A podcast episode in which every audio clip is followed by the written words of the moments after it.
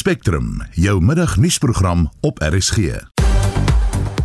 In die program die Russiese minister van buitelandse sake lê besoek af aan Suid-Afrika.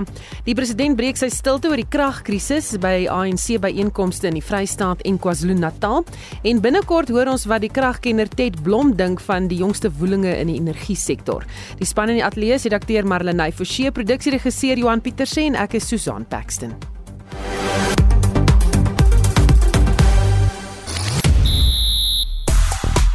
Goeiemiddag Suid-Afrika. In sportnuus vanmiddag, die Blitsbokke hergroepeer en maak gereed vir die Sydney Sevens toernooi komende naweek in Australië. In tennisnuus behaal Aryna Sabalenka haar eerste Australiese Ope kwartfinalestryd. En in cricket verseker Sunrisers Eastern Cape 'n bonuspunt oorwinning oor Durban Giants. Meer sport volg bietjie later. Ek's Christo Gawie vir RSG Sport. Op sosiale media is die hitsmerk president Cyril Ramaphosa gewild met verwysing na Ramaphosa se aankondigings oor planne oor hoe om die kragkrisis in die land te hanteer en die hits Free State trek ook baie aandag en dit is na aanleiding van die ANC se 9de Vrystaatse konferensie wat die naweek in Bloemfontein gehou is. En Susan, ons praat ook 'n bietjie later in die program hieroor. Nou ons het die afgelope naweek gehoor van sewe mense in Kakamas wat dood is weens hitteuitputting. Eskom het ook intussen aangekondig dat daar nie beerkrag toegepas sal word nie sodat water gepomp kan word vir die inwoners. Die hitte in die land is steeds nie gebreek nie en daar's 'n temperature so hoog as 50 grade Celsius wat in Ugrabies aangemeld is.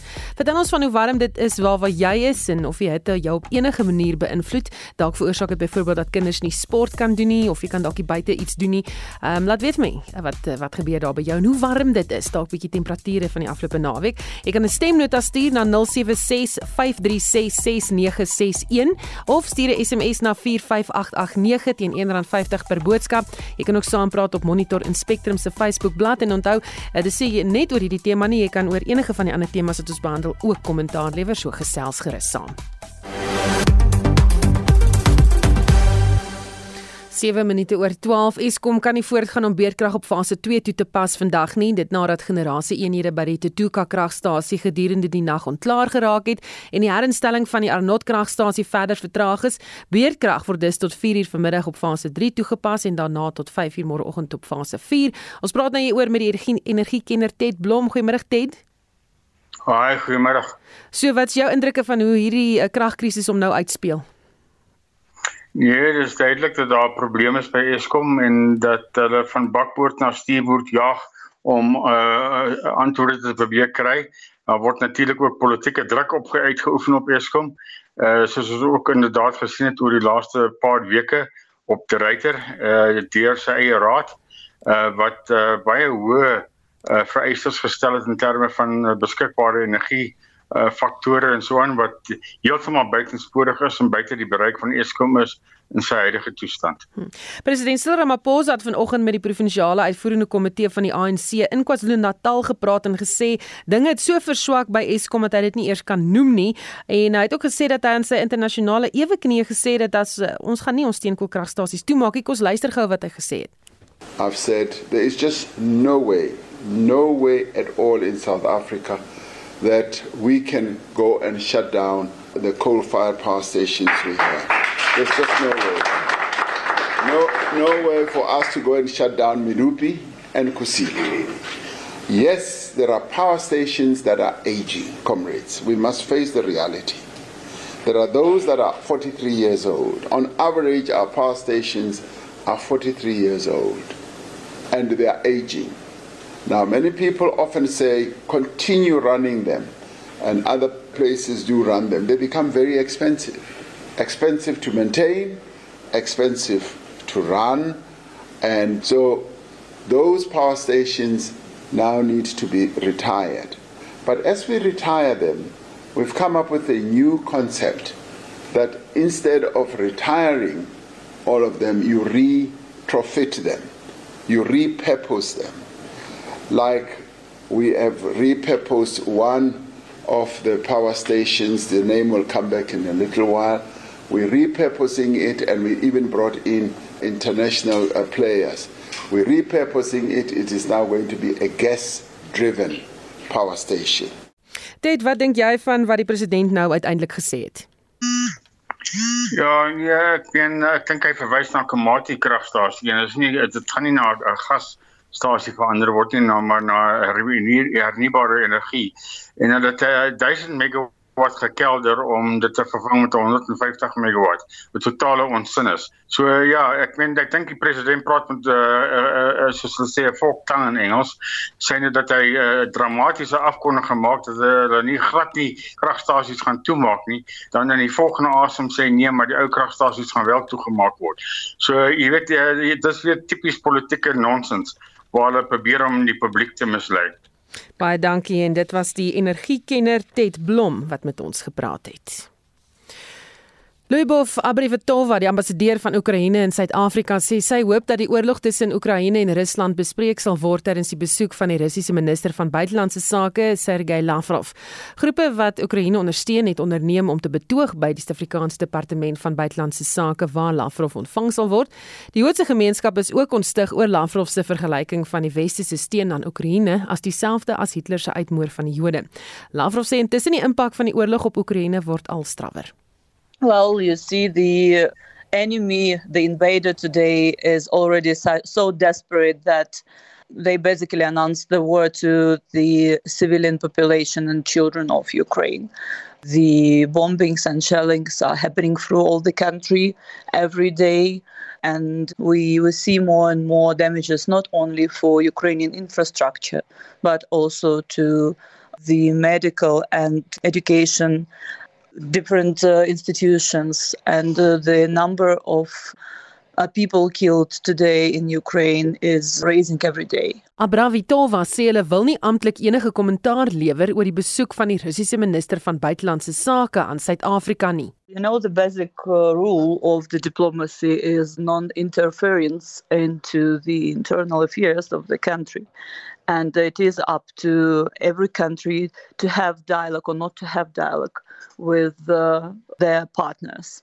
So there is uh, no reaction as an official reaction from the side of the embassy of Ukraine. We do have a hope that the issue of Russian invasion and aggression in Ukraine will be discussed during the official meetings. Sy het egter gesê dat sy en haar Suid-Afrikaanse ewe knie gereeld in gesprek is met mekaar. Obviously we have a regular dialogue and discussions about this.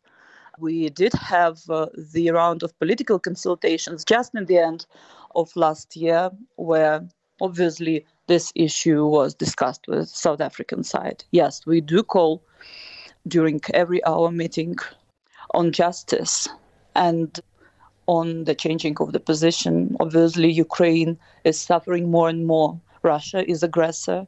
It violated all the possible norms and rules of international and humanitarian law. So no one can close their eyes on the atrocities that Russia is making in Ukraine.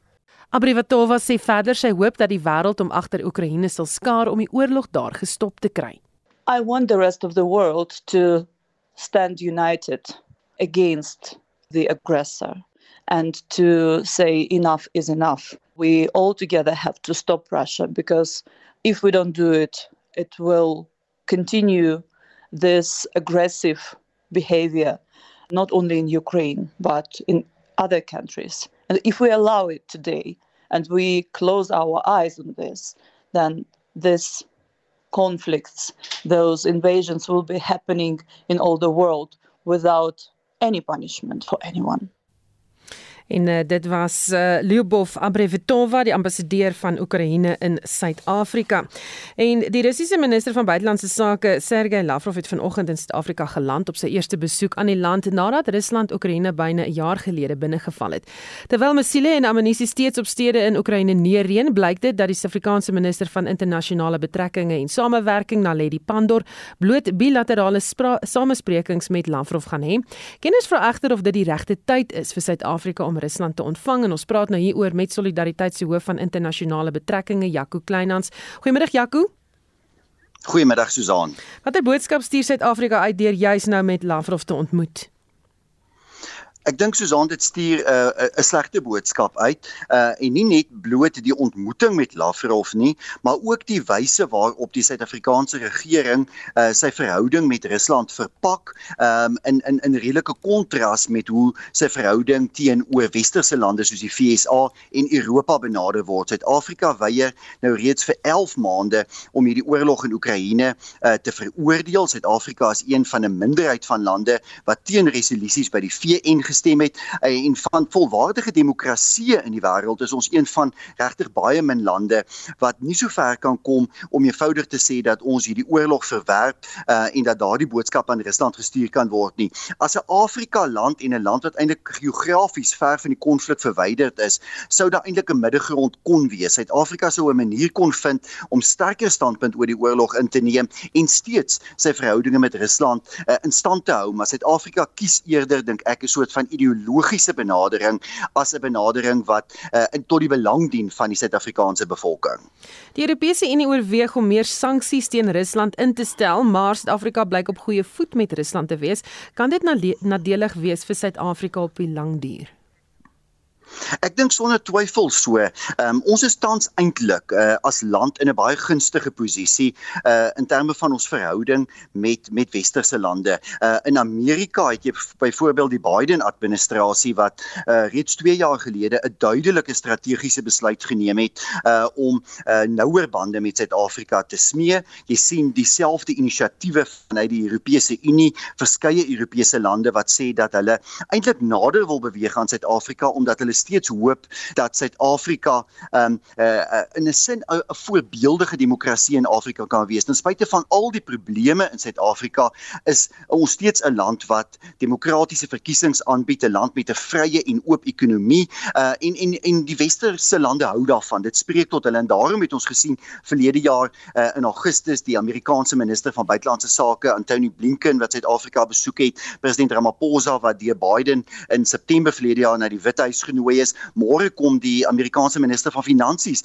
in Suid-Afrika aan. Um, uh, en en dis alles 'n teken van van 'n sterk uitreik van Europese en Amerikaanse lande, maar uh, ek tel ook op in my eie skakeling met politici in Europa en Amerika dat daar 'n groot irritasie is, dat daar 'n gevoel is dat ten spyte van hierdie uitreik, um, Suid-Afrika eenvoudig homself nader aan Rusland as aan die weste skaar en dat dit uiteindelik sonder twyfel ekonomiese gevolge kan inhou. Onthou Rusland is 'n klein handelsvernoot van Suid-Afrika. Ons groot handelsvennote veral waarheen ons baie uitvoer is die FSA en en die Europese Unie. Ehm um, en die feit dat ons 'n nie sterker standpunt inneem oor die oorlog nie is is sonder twyfel iets wat waar wat kan veroorsaak in elk geval dat Suid-Afrika 'n duur ekonomiese prys kan betaal.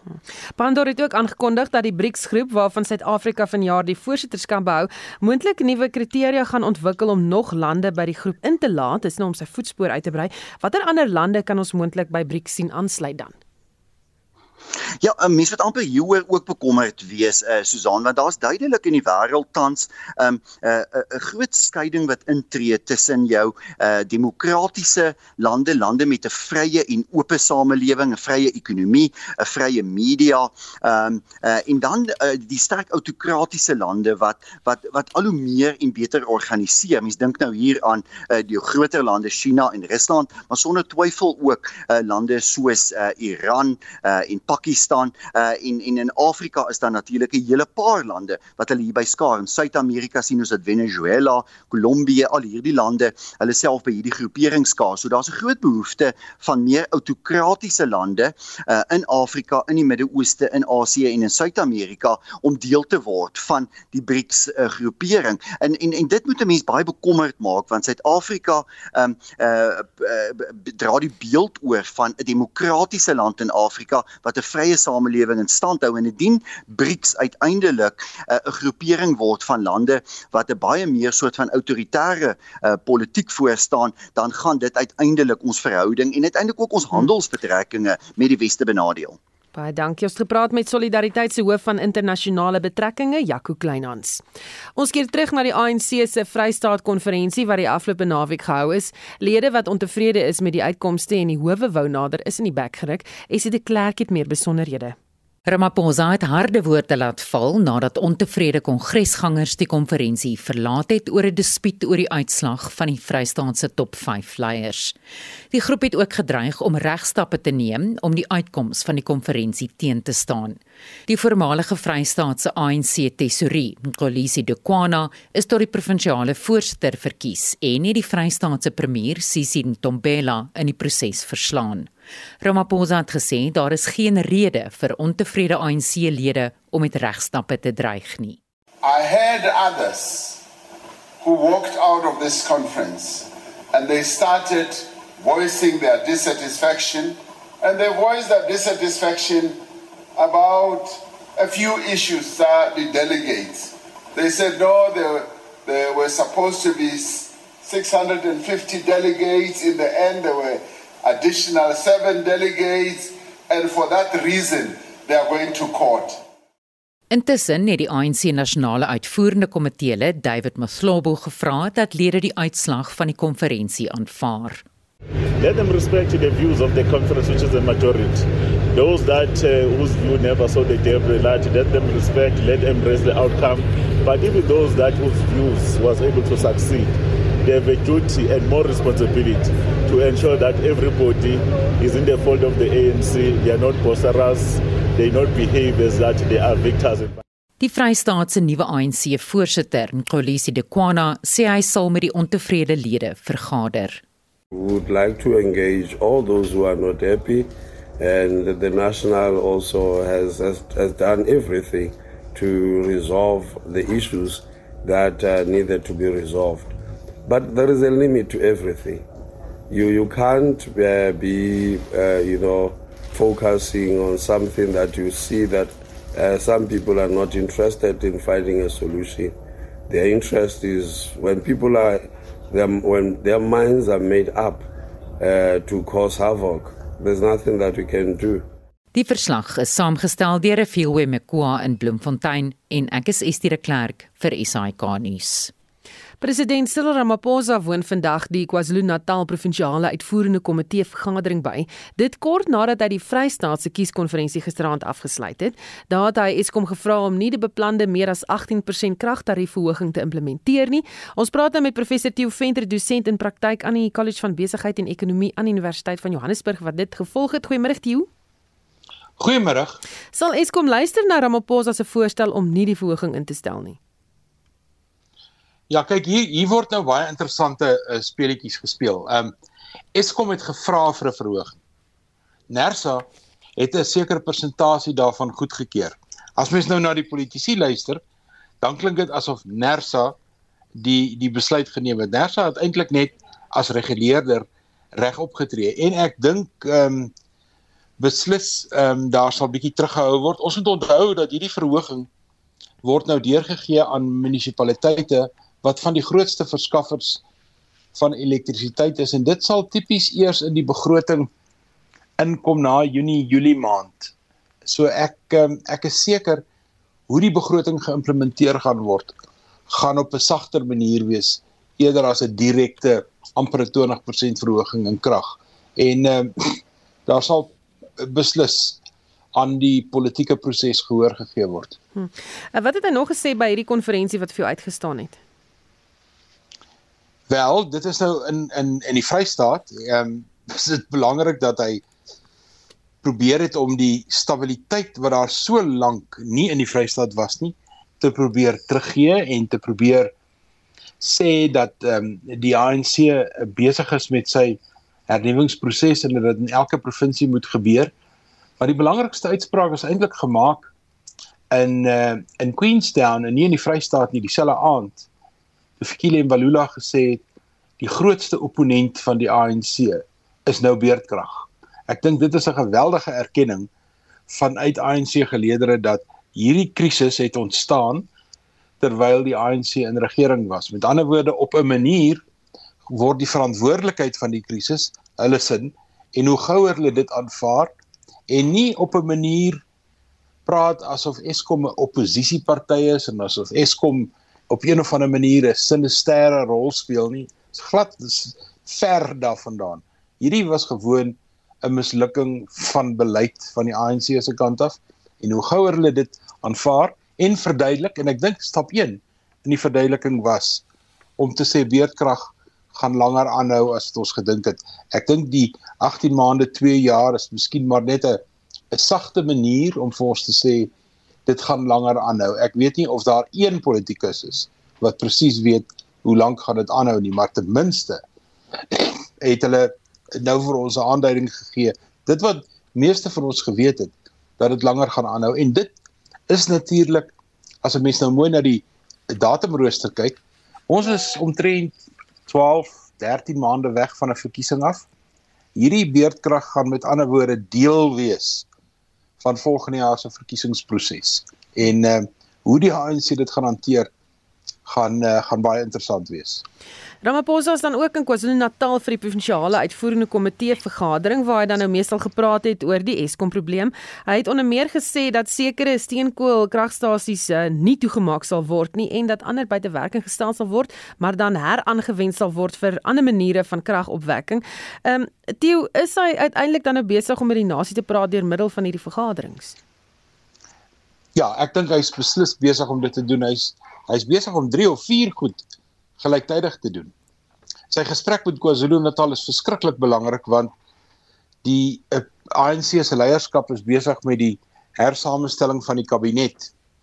En soos ons weet, het nie een van die uh, leiers in KwaZulu-Natal die top 7 gehaal nie. So hy moet op 'n manier 'n uh, 'n um, 'n uh, uh, pad vind, 'n weg vind om die leierskap in KwaZulu-Natal by die ANC te hou of by wyse van kabinetsaanstellings of by wyse van een of ander ander aanstelling. So die gesprek met KwaZulu-Natal is eintlik veel belangriker as Eskom. Vir KwaZulu-Natal is die noordelike dele van KwaZulu-Natal natuurlik blootgestel aan uh, aan steenkool en alles wat daarmee saamgaan. Maar ek dink dit is 'n mindere probleem. Uh maar ek dink jy's reg.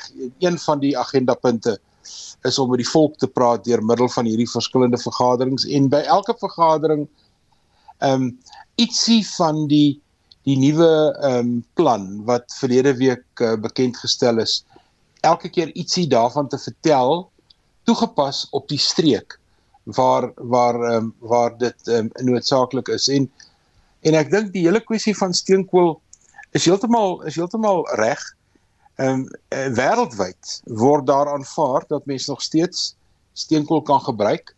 Maar daar's drie probleme met steenkool. Die eerste een is as jy dit wil gebruik, moet jy dit op so 'n manier gebruik dat dit baie skoon uitkom en dit kos geweldig duur en ons steenkoolkragsentrale is nie daarvoor gebou nie. Hmm. Die tweede ding is as jy dit wil doen, moet jy gaan geld leen om jou kragstasies te hernuwe of te verbeter of wat ook al daardie geld is nie beskikbaar nie. Die derde ding is internasionaal het finansieringshuise en versekerings ehm um, uh strukture gesê ons gaan nie meer betrokke raak in steenkool nie. So al wil ons dit doen, is die globale prentjie heeltemal gekandateen. So 'n mens is eintlik bietjie besig om speletjies te speel hier.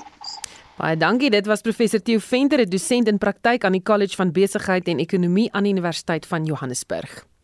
Nou vir 'n storie wat ons al 'n geruime tyd lank volg hier op Spectrum. Vragmotorbestuurders wat steenkool vervoer sê die opeenhoping van hulle voertuie op die N2 John Ross pad in die rigting van Richards Bay hawe is kommerwekkend. Bestuurders sê van hulle moes 2 dae lank wag om deur die hawe se prosesse te gaan en dit het gelei tot verkeersprobleme op die N2. Een van die redes wat hiervoor aangevoer word is 'n verhoogde vraag na steenkool in die buiteland terwyl Transnet die probleem toeskryf aan te min vragtreine. Marlene Forsie het meer besonderhede. So wat 91 ton goedere beweeg elke jaar deur die hawe en 8,2 miljoen ton steenkool kan hier geberg word. Die aantal vragmotors wat die hulpbron vervoer is egter soveel dat beide bane dikwels tot stilstand gedwing word. Bestuurders is gefrustreerd met toue wat tot 10 km ver staan. Sometimes we are forced to park for five hours or even two days in a long queue without getting processed. Durban, we know very well that if you do a permit, you do a permit for 12 months, then it expires after 12 months. Now, here the delays they made is because it's like because we have to go to the permit office. There by the permit office, we have to stand a queue. Sometimes you can just wait there for nothing. Moshe Motloi van Transnet se hawe owerheid in KwaZulu-Natal ontken dat die hoë vraag na steenkool die rede vir die oponthoud is. The increase in the number of trucks coming to Richards Bay is as a result of us having less trains running. And people are assuming, therefore, that with the number of trucks that are seen on the roads to the port, the country is going to run out of coal or exporting more coal than the country needs.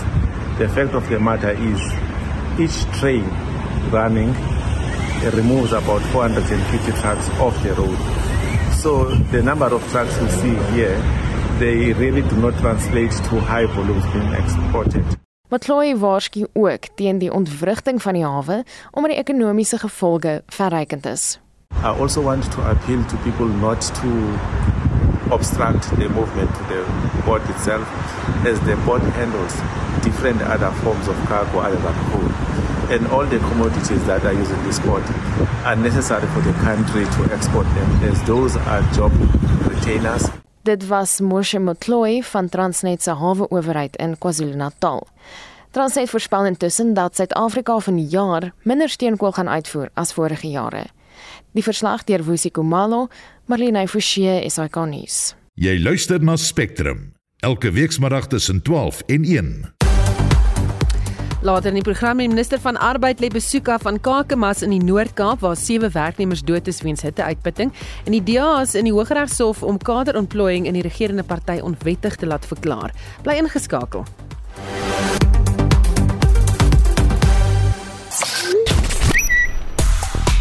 Op sosiale media onder die hitsmerk condolences stroom medelee in oor die dood van die Eswatini menseregte prokureur en politieke aktivis Tulani Maseko wat Saterdag aand by sy huis in 'n vermoedelike sluipmoordaanval doodgeskiet is en internasionaal onder dieselfde hits stroom medelee medelee in vir die slagoffers van 'n massaskietery in Kalifornië in die VSA. Ons is selfs oor die hitte en hoe warm dit is en ek sien dat uh Frikkie Jones en wie blif Eskom dan dat hulle beerkrag kan toepas soos dit hulle pas.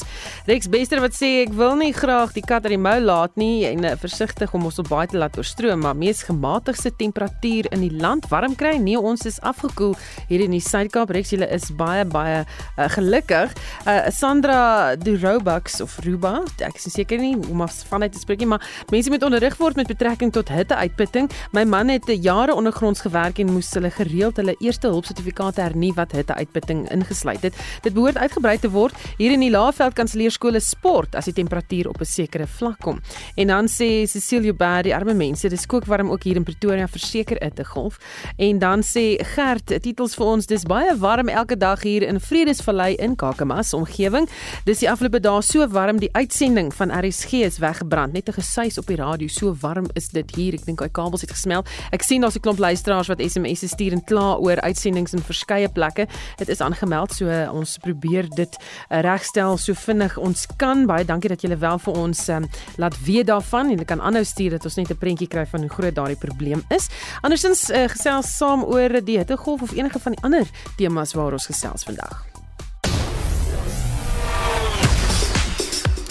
En hier is Christo Gawe met die dag se sportnuus. Goeiemiddag. Die Blitsbokke het hulle kwart eindstryd kragmeting teen Frankryk in Hamilton, Nieu-Seeland die naweek met 22-17 verloor. Die Suid-Afrikaners het ook in 'n uitspelwedstryd teen Ierland met 21-14 vasgeval en tot 4de op die algehele HSBC Wêreld Rugby Sevens reeks se punteleer vir die 2023 seisoen gesak. Argentinië se mans en Nieu-Seeland se vroue het die Sevens reeks goud verseker op 'n dramatiese dag 2 toe Argentinië vir Nieu-Seeland met 14-12 in die eindstryd van die mansbeker geklop het. In ander rugby nuus sê die Stormers vir Claremore in hul Heineken Kampioenebeker kragmeting in Kaapstad met 30-16 geklop. Die Harlequins het sy wedstryd teen die Sharks in Londen met 39-29 gewen. In die Europese Uitdagbeker het die Lions die Dragons geklop. Die telling was 25-30. Die Cheetahs het Section getroof met 'n telling van 6-9. Die Spar Protea netbalspan het die naweek 46 elk gelyk op gespeel teen Engeland in die eerste wedstryd van 'n reeks wat ook Nieu-Seeland insluit. Die dames rus vandag, maar aksie sal môre middag weer hervat. En tennisnuus het Arena Sabalenka vir Belinda Bencic vanoggend verpletter om haar eerste Australiese Ope kwartfinale te haal. Die telling was 7-5 en 6-2. Magda Lenet het vir Caroline Garcia met 7-6 en 6-4 geklop in 'n kragmeting van byna 2 ure lank. Die topgekeerde Iga Swiatek is ook deur Elina Rybakina huis toe gestuur toe die Pool met 6-4 en 6-4 geseëvier het. Die Amerikaanse tiener Coco Gauff is deur Jelena Onstapenko met 7-5 en 6-3 geklop. Die derde gekeerde Stefanos Tsitsipas het 'n soortgelyke lot vermy deur 'n opwindende 6-4, 6-4, 3-6, 4-6 en 6-3 oorwinning oor die Italiaaner Yannick Sinner. Die Amerikaner Jessica Pegula was rotsvas en het haar derde agtereenvolgende kwartfinale op Melbourne Park gehaal deur die Tsjeeg Barbora Krejcikova met 7-5 en 6-2 te klop. In die aandsessie vandag op die 8de dag is Novak Djokovic weer in aksie. In cricket het Sunrisers Eastern Cape 'n stewige greep op die Durban Giants gehad in die SA20 wedstryd op St George's Park in Kebega gisteraand. En met 'n bonuspunt oorwinning van 124 lopies geseëvier om na die tweede plek op die punteleer te beweeg. Die tuisspan het 'n stewige totaal van 210 vir 2 in hulle beurt aangeteken met Rossington op 72 lopies en Makram 44. Durban Giants is almal uitgehaal vir 86 in die 14de bilbeer. Vanmiddag is MI Cape Town en Pretoria Capitals teen mekaar in aksie om 06:30. Die derde eendag internasionale kragmeting tussen Ierland en Zimbabwe is ook aan die gang. En dit was Christo Gawie. Die minister van Arbeid, Tulas Nesi, lê vandag besoek af aan die plaas waar sewe werkers verlede Vrydag dood is aan hitteuitputting. Die plaas verbou tafeldrywe in Kakamas in die Noord-Kaap. ER24 sê intussen hulle het die somer heelwat oproepe ontvang van mense wat deurloop onder hitte. ER24 se kommunikasiebestuurder, Russell Meyering, het aan Marlenae Forsie gesê watter simptome met hitteuitputting geassosieer word. Heat stroke is caused by prolonged exposure to heat. Can occur when your body absorbs more heat than it can get rid of by sweating. It is common in hot, humid weather, as well as nausea, dizziness, headache, muscle cramps. Heat stroke can cause dry red skin, confusion, seizures, and eventually loss of consciousness. Om te verhoed dat jy met hitte uitputting opeindig, kan jy die volgende wenke volg. By ensuring that you stay out of the sun during the peak hours, staying hydrated, using a hat and high SPF sunscreen, you can lower the risk of heat injuries. Maar hoe gemaak as jy vermoed dat jy of iemand na aan jou hitteuitputting ervaar? One of the first steps to do is remove them from that environment and get them to a cooler place. Give them lots of sips of cool fluid if they are conscious. Lay them in a cool shady place. Remove any excess clothing. What you can also do is sponge and spray them with cool water or cover them with wet towels or clothing and fan their damp skin. If they are unconscious, place them on their side and immediately call ER24 on 084 124. Dit was ER24 se kommunikasiebestuurder Russell Meyering. Marlene Forsie, SAK nuus. Nou ons verslaggewer Reginald Witboy volg die gebeure in Kakamas sedert Vrydag en ons praat nou met hom. Goeiemiddag Reginald. Hi, goeiemiddag. So, het julle nou al met die minister minister gepraat? Wel, die minister en sy gevolg het so paar minute gelede die plaas Groenheuwel verlaat om die volgende plaas te besoek.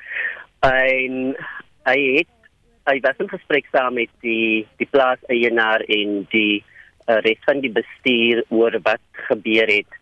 En die minister het gesê hy hy kan vir die plaas eienaar vir die bestuur eintlik maar net advies gee om te kyk na die werks um, omstandighede van hierdie mense sodat hulle nie in hierdie uh erge hitte hoef te um, moet werk terwyl dit nou ook um oestyd is nie. So uh, my kollega Ulrich Hendriks is nou tans besig om te gesels saam met uh die plaaseienaar uh Rian Spanenberg.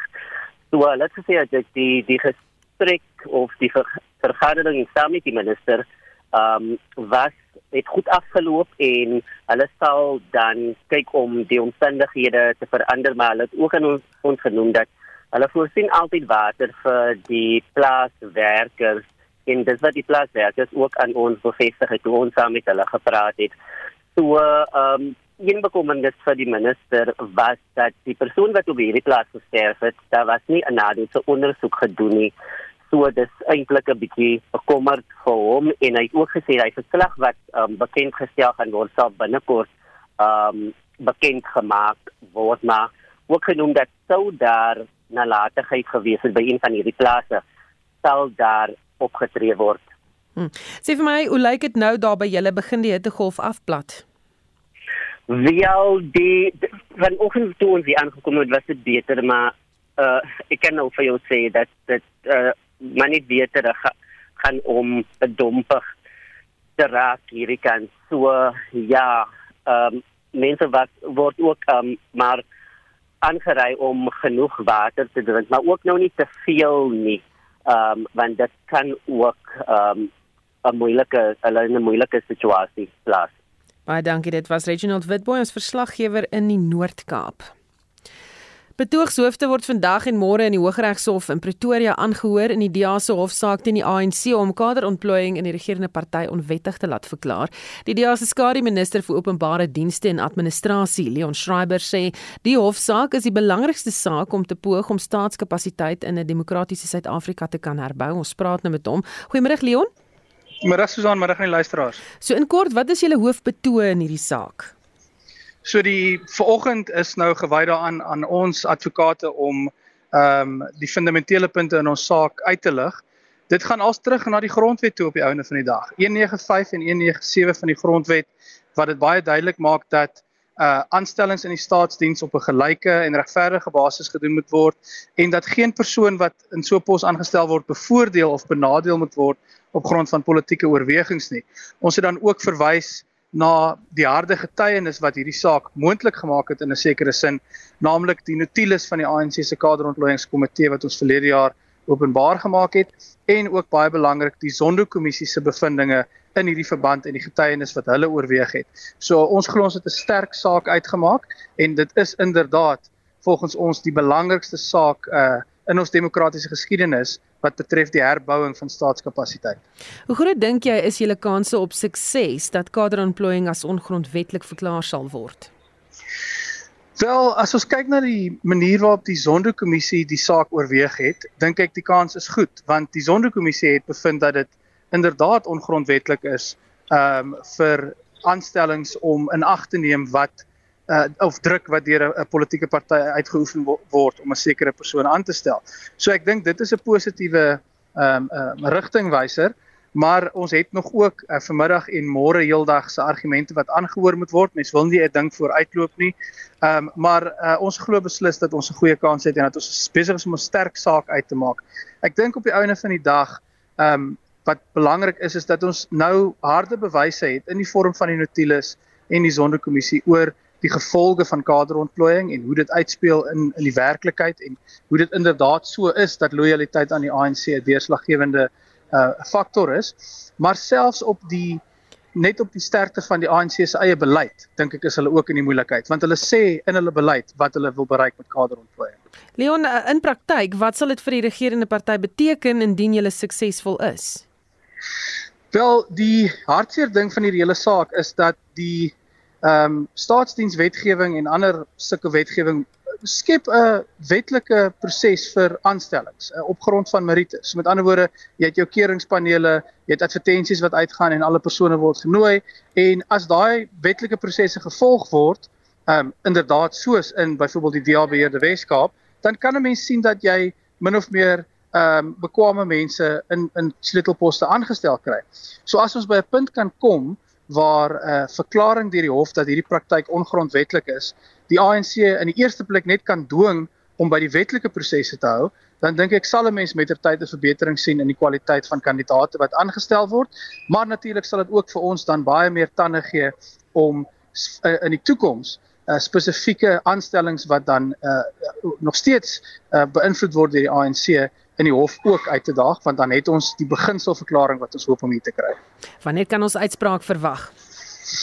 Om eerlik te wees het ek geen idee nie. Ek vermoed uh die regters gaan tyd nodig hê. Ons het 'n volbank regters hierso um uh, wat ek dink ook wys hoe belangrik hierdie saak geag word en ek dink hulle gaan tyd nodig hê om die kompleksiteite van hierdie saak deeglik te oorweeg. So ek verwag nie 'n onmiddellike beslissing nie. Ehm um, maar uh, terselfdertyd dink ek ook uh, ons wil nie so ding afjaag nie. Kom ons kry die regte beslissing en ons glo dat so 'n beslissing sal wees dat hierdie praktyk inderdaad ongrondwettig is. Baie dankie het gepraat met die DA se skare minister vir openbare dienste en administrasie Leon Schreiber. Verlede jaar het ons berig oor 'n veldwagter wat beseer is nadat 'n olifant hom bestorm het in die wildtuin. Die veldwagter, die 32-jarige Joan Kuna, was steeds in die hospitaal die naweek. Ike Pagla, woordvoerder van die Nasionale Kreer Wildtuin, is hier in die ateljee by my om daaroor te gesels. Welkom Ike. Goeiemiddag uh, Susan en baie dankie aan al die luisteraars. Ja, sê gewoonlik is ek daar in die kreer by jou, nou is jy hier by my. Ehm, um, hoe gaan dit met jou? Well, it has been a, very tough and touch and go for some time. Uh, he was on life support uh, when he was admitted uh, for about uh, three weeks, but I'm happy to report that he has been moved to a recovery room and is in very much better condition. Mm. Like you say, I had the privilege to visit him uh, in the early days, which was very depressing because uh, you went there, he was sleeping, he was connected to all those machines as he was in a very bad condition. Unlike when I saw him about a week ago, was very encouraging, uh, calling out his name and seeing him open his eyes and uh, reacting. And then on Saturday, we had that opportunity with uh, Minister Creasy well, she has been closely following Joe's road to recovery on a hospital visit, and he's talking, he's full of life, and very jovial. And uh, the cherry on top was that, uh, as he was reporting to us, full of smiles, uh, his last born daughter had also passed matric, which also lifted up his spirits. Nou, sy matrikulant wat ook daar is, is jy weet hoe ernstig is sy beseer? Sal hy weer kan werk as 'n veldwagter? Um, when we asked him that question, he just laughed at us and said uh, he doesn't see himself doing anything else. He just wants to get out of that bed and go back into the bush because he's passionate about the work. But uh, the injuries are very severe. He has undergone several operations, he still has to undergo others. But uh, the good thing he has started with is physiotherapy. But uh, when he comes out, there will be an assessment done, obviously, and then uh, we will see where to place him. But it will be very sad to lose a man of that caliber. 32 years experience in the field. And uh, the other question that uh, he laughed at was, uh, Do you get nightmares at night? He says, No, this wasn't my first uh, elephant attack. I've been attacked by elephants before. It's only this one happened, uh, you know, very quickly, and we were not able to react in time. Mm. As vir my net weer wat het gebeur. What happened was uh, there was a breeding head, and uh, you know we've had good rains in the Kruger National Park, so the bush is very dense, especially in the Pretoria Scope area where they were working. So they were walking, they observed uh, the uh, breeding herd, which had uh, young ones, and they're very protective of the young ones. And as um, they thought uh, they, the group was gone, but uh, one of the elephants suddenly turned on them and uh, rushed at them, and Joe was the nearest to the elephant. That's why he got injured. but some rounds were let off, and the elephant turned back, but he was badly hurt by then. Mm. Net so laasens voor jy wegglip hierso. Uh dis warm. It's very hot across of the country. Hoe hoe is dit daar in die Kruger Wildtuin? Dit is uh, baie warm. Uh, we have temperatures of about 40 um, upwards uh, but uh, we enjoying it. Uh, you have to stay in the shade, obviously, look after yourself. Uh, but it's uh, one of those places where you really are privileged uh, to be working there and to always be waking up uh, to that kind of scenario of animals, of the trees, of the plants, of the sounds of the birds. So we're very privileged. Baie dankie en dit was Ike Panglaaf woordvoerder van die Nasionale Kreer Wildtuin wat vinnig hier ingeloer het by die Spectrum Ateljee. Ons het vir Dion Goosen eh, terug. Hy's 'n portefeuljebestuurder by Netbank Korporatiewe Beleggings. Dion, is jy daar? Ja, ek is so Susan. Skus, ek weet nie waar ons uitgesny het nie. Ek is seker waar ons laas was nie. Gaan maar eh, dalk van die begin af van die lyn was maar bietjie dof. Ja, so as ons kyk na die markte in Asië vanoggend, die Hong Kong Hang Seng het gesluit in die Chinese nuwejaarsvieringe. Die Japannese Nikkei was hoër met 1.3% en die Australiese ASX 200 het hoër gesluit met 0.1%. In Europa verhandel die markte tans listeloos. Die Britse FTSE is so 0.1% op, so die Franse CAC 40, hy is ook hoër met so 0.1% en die Duitse DAX is onveranderd. In Suid-Afrika nuwe hoogtepunte. Die mark staan so 1.1% op en verhandel by 80132 punte. Die finansiële indeks 1.8% op al die banke wat goed doen. Uh Absa en Mutual beide op so 2.5%. Die nywerheidsindeks is op 0.6%, die Foschini groep daarso sterk op met 2.9% en dan die Hulbron indeks op met 1.6%, Sasol is die wenner met 3.1% hoër op die oomblik. Kommoditeitspryse verswak goud so iets wat 0.1% laer en verhandel by 1928 dollar per fyn ons. Platinum is 0.6 sterker en verhandel by 1047 dollar per fyn ons en dan Nee, lyk vir my daardie telefoonlyn wil net nie vandag saam speel nie, maar dit was toe intussen en 'n portefeuljebestuurder by Netbank Korporatiewe Beleggings.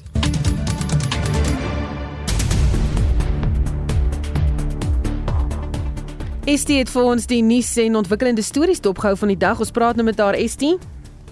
Susan, die Russiese minister van buitelandse sake, Sergey Lavrov, het vanoggend in Suid-Afrika aangekom op sy eerste besoek aan die land nadat Rusland Oekraïne byna 'n jaar gelede binnegeval het. Suid-Afrika se minister van internasionale betrekkinge en samewerking, Naledi Pandor, het Lavrov ontvang om bilaterale samesprekings met hom te voer. Solidariteit se hoof van internasionale betrekkinge, Jaco Kleinhans, weeg in op Lavrov se besoek aan Suid-Afrika. Sedert die uitbreek van die oorlog in Oekraïne het die weste daarin geslaag om Rusland grootliks internasionaal te isoleer. Die Russe het tans hoofsaaklik diplomatieke bande met autoritaire regerings in die Midde-Ooste en Asië en met 'n besoek aan Suid-Afrika probeer die Russe natuurlik 'n simboliese boodskap eintlik oordra aan die weste dat Rusland se invloed ook in Afrika teenwoordig is en steeds besig is om uit te brei. Die ANC se 9de Vrystaatse konferensie is die naweek in Bloemfontein gehou waar 'n nuwe top 5 in die Vrystaat verkies is. Die voormalige Vrystaatse ANC tesourier Kolisi Dukwana is tot die provinsiale voorsitter verkies. Die politieke ontleder Theo Venter sê die uitslag van die konferensie is 'n oorwinning in die kamp van Ramaphosa teenoor Ysmagashule.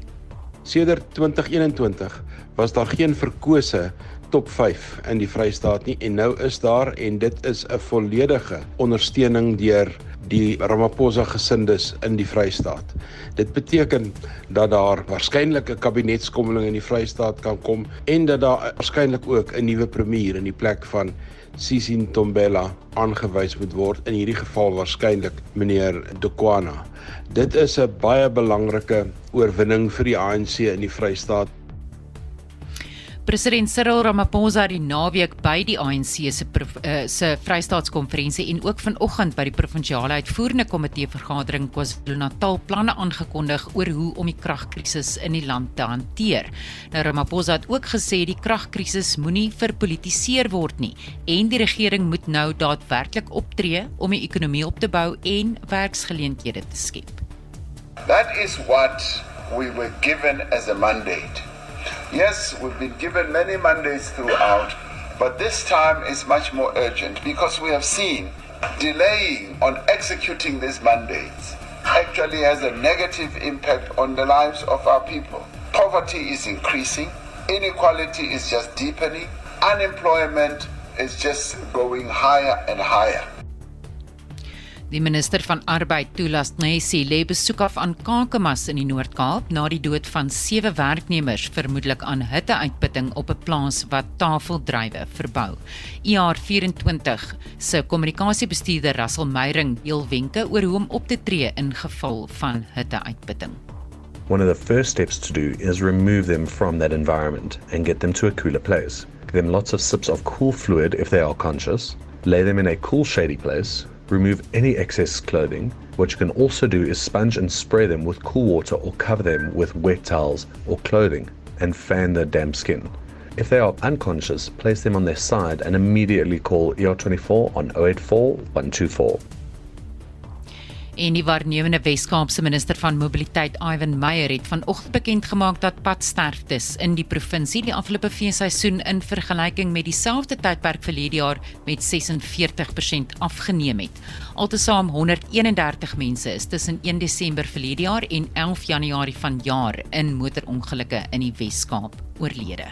Onthou om in te skakel vir 'n opsomming van die dag se nuus in Brandpunt vanmiddag om 4:00. En daarmee groet die Spectrum span vir vanmiddag en uh, so voor ons groet 'n uh, persoon wat sê ek was 'n stoker, is Pietie in die middel 60 vanaf Kraddock na Noupoort toe. Dit was vrek warm, maar jy moes maar vuur maak vir stoom. Ek kan dink hoe warm dit was. Ons groet namens ons uitvoerende regisseur Nicoline de Weer, redakteur Marlene Forsie, ons produksieregisseur Johan Pieterse. My naam is Susan Paxton, bly ingeskakel vir 360.